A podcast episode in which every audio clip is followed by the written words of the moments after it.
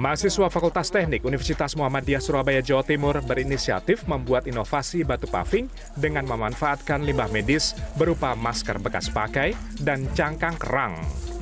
Kedua bahan baku ini banyak terbuang di sekitar kawasan Putat Kulon Indah Surabaya Jawa Timur.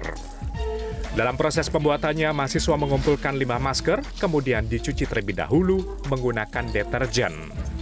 Setelah itu, limbah masker dikeringkan dan dibakar hingga menjadi abu dengan alat pembakaran ramah lingkungan.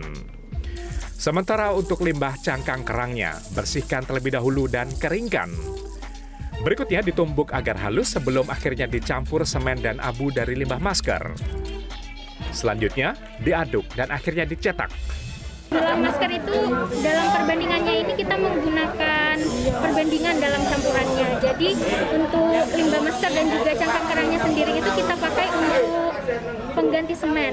Jadi cangkang yang khususnya di desa pesisir ini.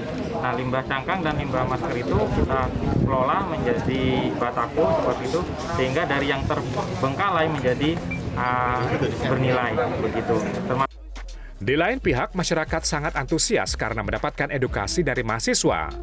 Dengan kegiatan ini, masyarakat bisa lebih mencintai lingkungan. Kan uh, semacam ilmu ya edukasi ya ter terkait memanfaatkan limbah dari kerang maupun dari masker ini ya.